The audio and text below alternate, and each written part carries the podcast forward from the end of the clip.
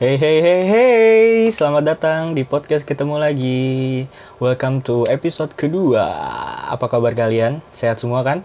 Semoga sehat terus untuk kalian semua, para pendengar podcast ketemu lagi. Terus uh, dilancarkan rezekinya untuk hari ini. Oke, okay? amin, amin, amin, amin, amin, amin.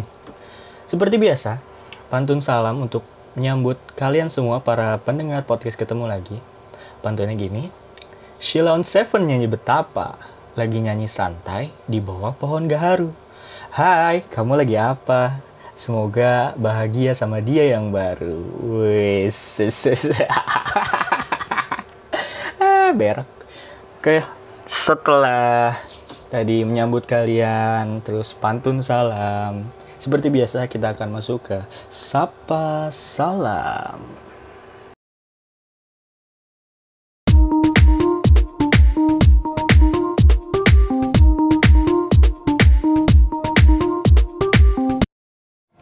Halo, selamat datang di segmen Sapa Salam.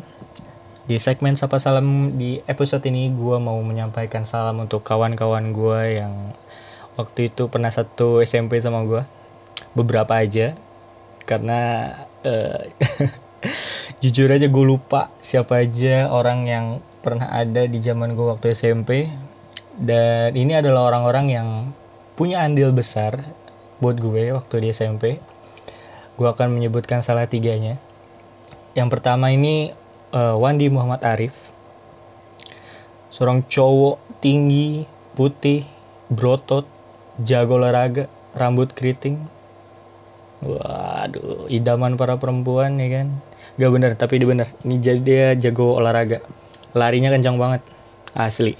Mungkin bisa dibilang larinya lebih cepat daripada bencong yang dikejar Satpol PP gitu. Kencang banget, napasnya panjang. Hai Wandi, apa kabar? Semoga sehat selalu sekarang si Wandi jadi uh, barista, woi, yang racik-racik kopi dia di uh, salah satu coffee shop yang ada di Klender, namanya Alun-Alun Coffee. Jadi kalian kalau mau ketemu, eh siapa sih Wandi? Wandi tuh orangnya gimana sih? Ada di Alun-Alun Coffee, dia baristanya. Tinggi, putih, badan berotot, rambut keriting, jarang ngomong, itu dia. Yang kedua, untuk Wisnu Pujiantoro, ini kapten gue waktu main basket dulu di SMP karena gue dulu anak basket. Di SMP SMP kita SMP uh, 158 disingkatnya Salila. Wisnu gue Wandi tuh anak basket. Ini orang udah lama banget gak ada kabarnya. Gue DM di Facebook gak pernah dibales. Tapi tapi setiap kali gue main Facebook ada aja status barunya di Facebook. Kampret emang. Yang ketiga ini Wisnu juga. Tapi bukan Wisnu Pujiantoro kayak tadi ini Wisnu Nugroho. Sangat-sangat berbeda dengan Wisnu Pujiantoro. Wisnu Nugroho ini bisa gue bilang apa ya orang yang paling pinter di Salila. Oh sorry. Orang yang orang salah satu orang yang paling pinter di uh, Salila. Dan terbukti dia pernah kerja di Jepang untuk beberapa tahun. Tapi sekarang gue nggak tahu dia masih di Jepang atau udah balik ke Jakarta. Ini kurang tahu nih gue nih. Mudah-mudahan bisa kumpul-kumpul lagi ya di alun-alun sambil diracikin kopi sama si Wandi. Kayaknya asik deh. Segitu aja untuk sapa salam di episode ini. Sekarang kita beralih ke ngojek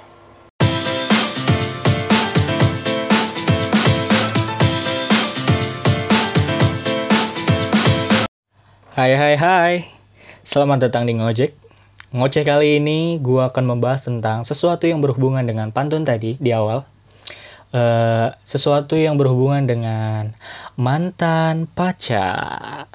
Wih, mantan pacar. Tentang seseorang yang dulu kalian bahagiakan mati-matian Sekarang sudah bahagia dengan orang lain. Gua sebagai teman yang baik untuk kalian cuma bisa bilang mampus.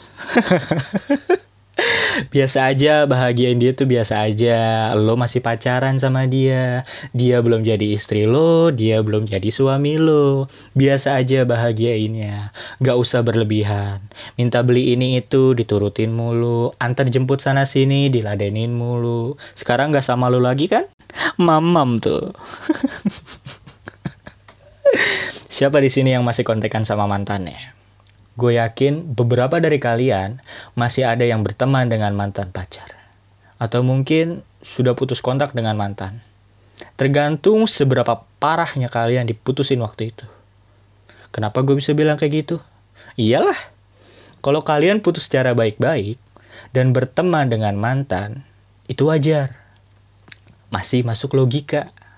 Misal, lu punya cewek nih atau lu punya cowok, lu pacaran ya lu ngejalanin hubungan ini terus tiba-tiba hubungan kalian diterpa oleh cobaan cobaan ini cukup fatal yaitu hubunganku dengannya terputus karena terhalang restu orang tua Wih, udah kayak judul sinetron anjir. Iya, pokoknya terhalang restu orang tua gitu ya. Awalnya emang kalian merasa sulit gitu. Oh sorry, awalnya emang kalian merasa sulit untuk menerima cobaan itu gitu. Tapi pada akhirnya sebagai anak yang baik, akhirnya kalian menerima keputusan orang tua kalian. Terus lo dan dia bertemu. Ini ceritanya lo mau mutusin dia nih, lo mau ngomong baik-baik gitu kan. Lo dan dia bertemu. Terus dengan muka sedih, lo bilang ke dia yang yang like oh aduh bukan bukan bukan bukan bukan bukan bukan bukan bukan masa pacar lo yang like bukan bukan bukan bukan yang gitu kan yang kayaknya hubungan kita udah nggak bisa dilanjutin lagi deh. Terus pacar lo ngedengerin dengan serius sambil nahan nangis. Jadi suara nangisnya jadi aneh, kayak gitu. Orang tua kamu dan orang tua aku kan sama-sama nggak setuju tentang hubungan kita. Aku juga ngelakuin ini untuk kebaikan kita bersama. Jadi aku harap kamu bisa ngerti ya. Dan akhirnya kalian putus dengan damai. Putus secara baik-baik demi orang tua kalian. Gokil. Suatu pengorbanan untuk orang tua kalian loh itu. Satu tanda bakti kalian ke orang tua yaitu menyenangkan hati orang tua. Uh. tapi kadang orang tua juga suka ngaselin sih giliran pas lebaran dan lu jomblo orang tua lu nanya mana pacar kamu nggak dikenalin ke mama papa Terus kalian gak bisa menjawab pertanyaan itu. Hanya tertunjuk layu. Seakan kalian tidak punya masa depan setelah kalimat itu masuk ke telinga kalian. Tapi giliran lo punya pacar, orang tua lu suka nanya pertanyaan yang aneh-aneh. Contoh, Papa denger kamu punya pacar. Kamu kalau pacaran sama dia pergi naik apa? Lu dengan suara pelan, banget pelan gitu kan. Uh, ngejawab, naik beat pak gitu Terus bokap lu dengan lantang bilang, putusin. Miskin. Padahal bokap lu nggak tahu aja. Kalau di rumah pacar lo, ada mobil Lamborghini.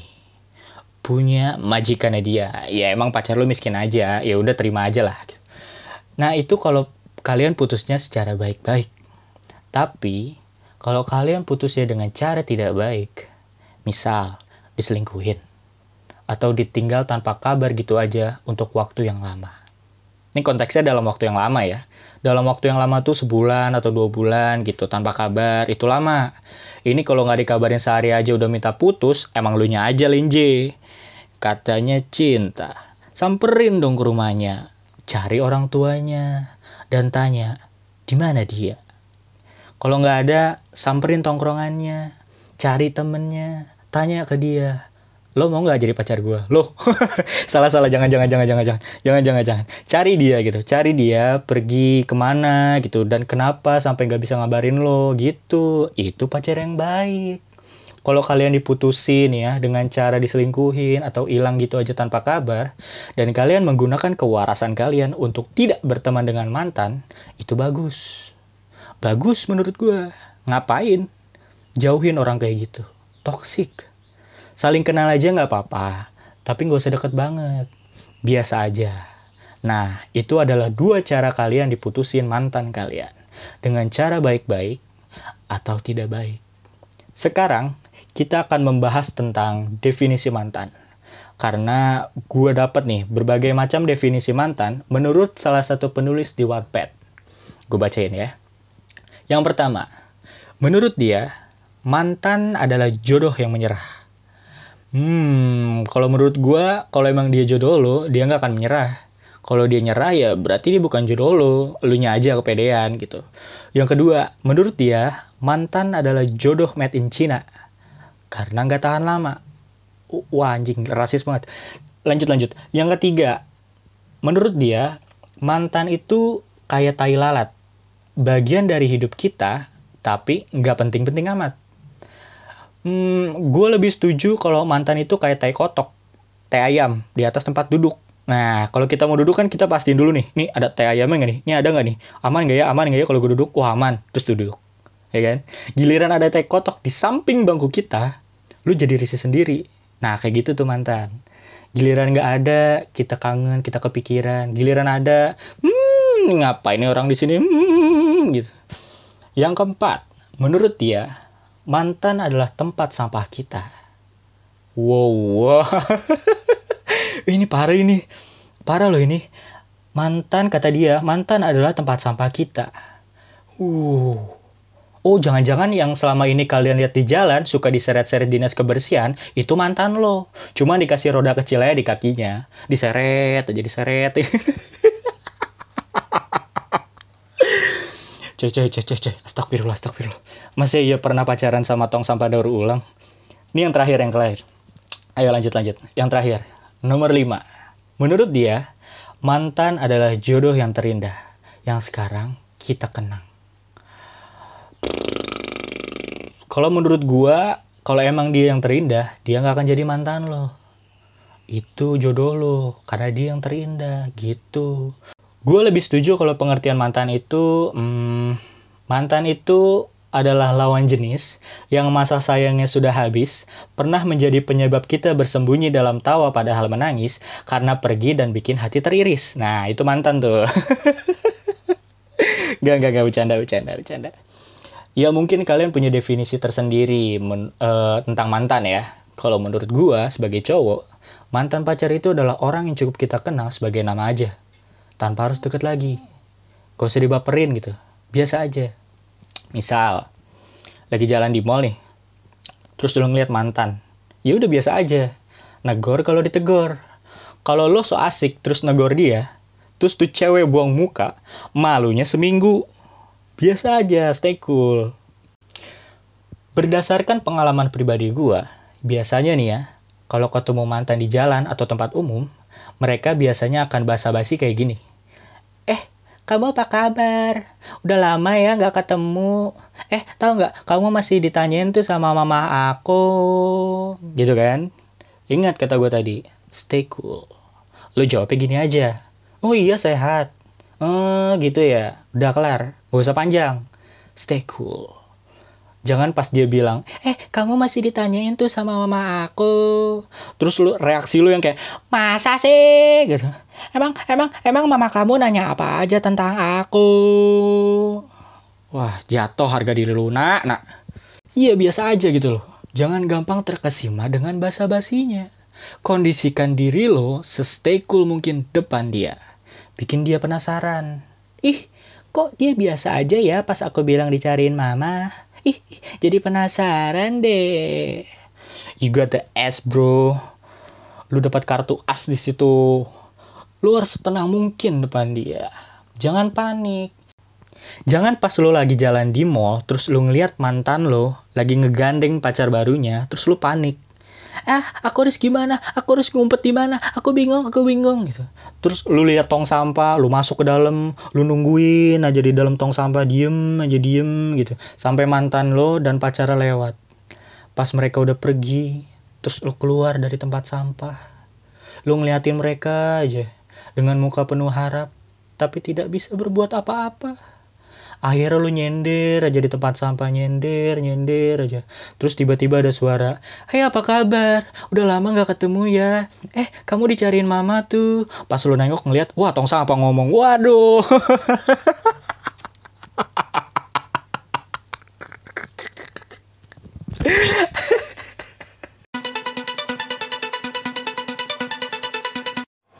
Halo, selamat datang di segmen internet informasi terupdate. Seperti biasa, gue akan memilih tiga berita yang akan gue bacakan untuk kalian para pendengar podcast ketemu lagi. Pertanggal 13 Juni 2020. Yang pertama, ini sumbernya dari Indozone. Novel Baswedan tagih respon Jokowi gegara tuntutan dua penyerangnya ringan.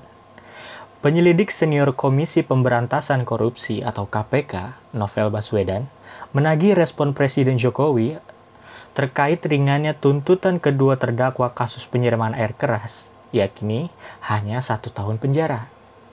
Novel meminta respon dari Presiden Jokowi atas tuntutan jaksa penuntut umum dalam sidang di Pengadilan Negeri Jakarta Utara pada Kamis, tanggal 11 Juni 2020, yang menuntut Brigadir Rahmat Kadir dan Brigadir Roni Bugis dengan hukuman satu tahun penjara.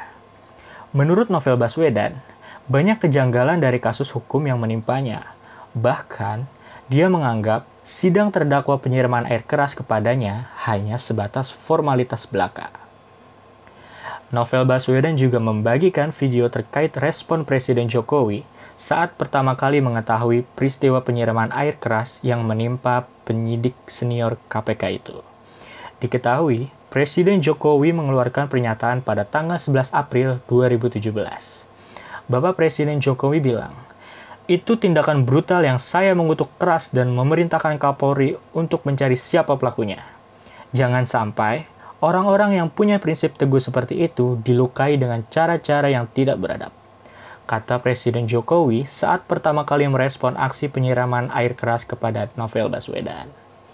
Berita yang kedua, datang dari dunia otomotif. Menjalin kerjasama dengan Vespa, Dio akan luncurkan skuter baru. Rumah mode mewah ternama asal Prancis, Dior, dilaporkan telah menjalin kerjasama dengan pabrik motor ternama asal Italia, Vespa. Dalam kolaborasi tersebut, Dior dan Vespa akan merilis skuter terbarunya, Vespa 946 Christian Dior. Skuter mewah berwarna gading putih ini dirancang ulang oleh Direktur Arsitek Dior untuk koleksi, Maria Grazia Sciuri. Skuter tersebut dirakit dengan mengusung slogan, dengan penuh persyaratan, komitmen, dan ketelitian seperti dari bengkel jahit sungguhan. Nantinya, Vespa 946 Christian Dior ini akan menggunakan aksesoris berlogo Dior, seperti top case dan helm. Lalu, Skuter ini dihiasi motif Dior Oblique karya Mark Bohan pada tahun 1967. Melansir Vanity Fair, skuter edisi terbatas milik Dior ini akan tersedia pada musim semi tahun 2021 mendatang. Meski demikian, pihak Dior dan Vespa enggan memberikan tanggal pasti peluncuran dan harga dari Vespa 946 Christian Dior tersebut. Jadi, tunggu ya informasi selanjutnya. Berita yang ketiga datang dari game. Wah, PS5. Event pengumuman PlayStation 5 ditonton 3 juta users di seluruh dunia. Sony Interactive Entertainment kemarin telah resmi mengadakan event live streaming untuk menyambut kehadiran PlayStation 5, meskipun baru wujud dari konsol tersebut yang dipamerkan. Namun, banyak sekali gamers yang sudah tidak sabar menunggu-nunggu untuk melihat seperti apa wujud dari konsol tersebut. Setelah sebelumnya, Sony memperlihatkan wujud controller DualSense yang terlihat sangat futuristik. Nah, bicara tentang pengumuman PlayStation 5, Media.eSport baru saja melaporkan bahwa event PlayStation 5 yang bertajuk Future of Gaming ini telah disaksikan oleh lebih dari 3 juta orang secara langsung di seluruh dunia. Jumlah tersebut didapatkan dari jumlah penonton live streaming event tersebut secara langsung dari platform Twitch dan juga YouTube. Tentunya, angka tersebut sangat besar dan menunjukkan minat para gamers untuk melihat wujud konsol tersebut. Selain memperkenalkan konsol PlayStation 5, dalam event tersebut, Sony juga mengumumkan lebih dari 20 game yang akan diluncurkan di konsol tersebut. Beberapa game di antaranya bahkan hadir dengan franchise terkenal seperti Horizon dan Gran Turismo. Sekedar informasi, PlayStation 5 sendiri akan segera dirilis pada akhir tahun 2020 mendatang. Sampai kini, belum diketahui berapa harga yang akan ditawarkan oleh Sony untuk konsol barunya tersebut. Sekian dari berita internet kali ini. Terima kasih. Kita langsung ke segmen playlist.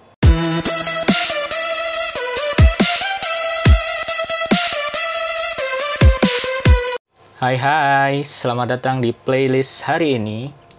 Playlist hari ini seperti biasa gue akan memberikan 5 lagu untuk para pendengar podcast ketemu lagi yang berhubungan dengan apa yang kita ngojekin tadi, yaitu tentang mantan. Yang pertama ada dari Mbak Adele dengan Someone Like You-nya. Lagu yang cukup booming pada tahun itu. Lagu yang menceritakan tentang seorang wanita yang mantannya menikahi orang lain dan dia tidak berharap apa-apa dari mantannya tapi dia berharap untuk semoga mantannya bahagia dengan yang baru yang kedua dari Babang Ed Sheeran dengan Happier-nya lagu yang bercerita tentang seorang cowok ini kali ini cowok yang melihat mantannya sekarang sudah bahagia dengan cowok lain dia cuma dari jauh ngeliatin aja meskipun masih ada rasa yang tertinggal tapi dia sebagai cowok yang gentle, dia tidak akan mengganggu hubungan mantannya dengan pacar barunya. Itu baru laki. Nomor tiga, Bruno Mars dengan When I Was Your Man. Tentang penyesalan seorang cowok. Ini cowok lagi, karena gue juga cowok. Ini cowok yang apa ya lagu yang menceritakan tentang penyesalan cowok yang dulunya punya pacar tapi tidak mentrit ceweknya dengan baik ini tidak menteri ceweknya dengan baik bukan berarti dipukulin ya bukan maksudnya waktu untuk si ceweknya kurang karena si cowok sibuk kerja atau apalah gitu makanya ketika mereka putus terus si cowok ngelihat mantannya dengan pacar barunya gitu ini cowok berharap semoga laki-laki itu bisa membahagiakan kamu lebih dari aku. Yang keempat dari Sheila on Seven dengan Lapang Dada. Sesuai judulnya Lapang Dada kita harus mengikhlaskan seseorang yang kita taksir harus menjalin hubungan atau mungkin menikah dengan uh, pilihan dia. Kita cuma bisa ngeliat meratapi ya Allah gini banget gitu. Kita harus menerima dengan lapang dada gitu. Yang kelima ada dari The Massive dengan di antara kalian ya. Band besar ini memiliki lagu yang apa ya? Lagu yang bercerita tentang pria yang menyadari bahwa wanita yang dicintainya bukan miliknya lagi.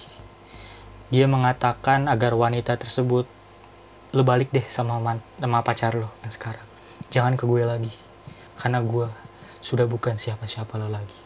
Itu adalah lima lagu yang gue referensikan atau lagu yang gue bikin playlist untuk kalian, spesial untuk kalian para pendengar podcast ketemu lagi. Oke, sekian dari playlist hari ini. Terima kasih. Sekian dan terima kasih untuk para pendengar podcast ketemu lagi. Terima kasih sudah mendengar uh, episode kedua dari podcast ketemu lagi. Oh iya, gue juga pengen ngingetin untuk kalian, kalian bisa ngirim salam-salam kepada siapa pun itu untuk pacar, keluarga, teman, sahabat, kalian cukup komen aja di postingannya Instagram ketemu lagi ID atau kalian bisa DM langsung ke Instagramnya at ketemu lagi ID. Nanti kalian bilang mau sampein apa, kalian mau sampein ini ke siapa, kalian taruh aja di komen dan DM. Nanti kita akan sebutkan salam-salam kalian di episode selanjutnya. Begitu. Terima kasih untuk para pendengar podcast ketemu lagi. Sampai sekarang gue nggak tahu nih manggil kalian para pendengar podcast ketemu lagi dengan nama apa. Gue belum dapet ide. Kalau ada kritik dan saran boleh di DM juga ke Instagram kita @ketemu lagi ID. Saya Aditya pamit. See ya.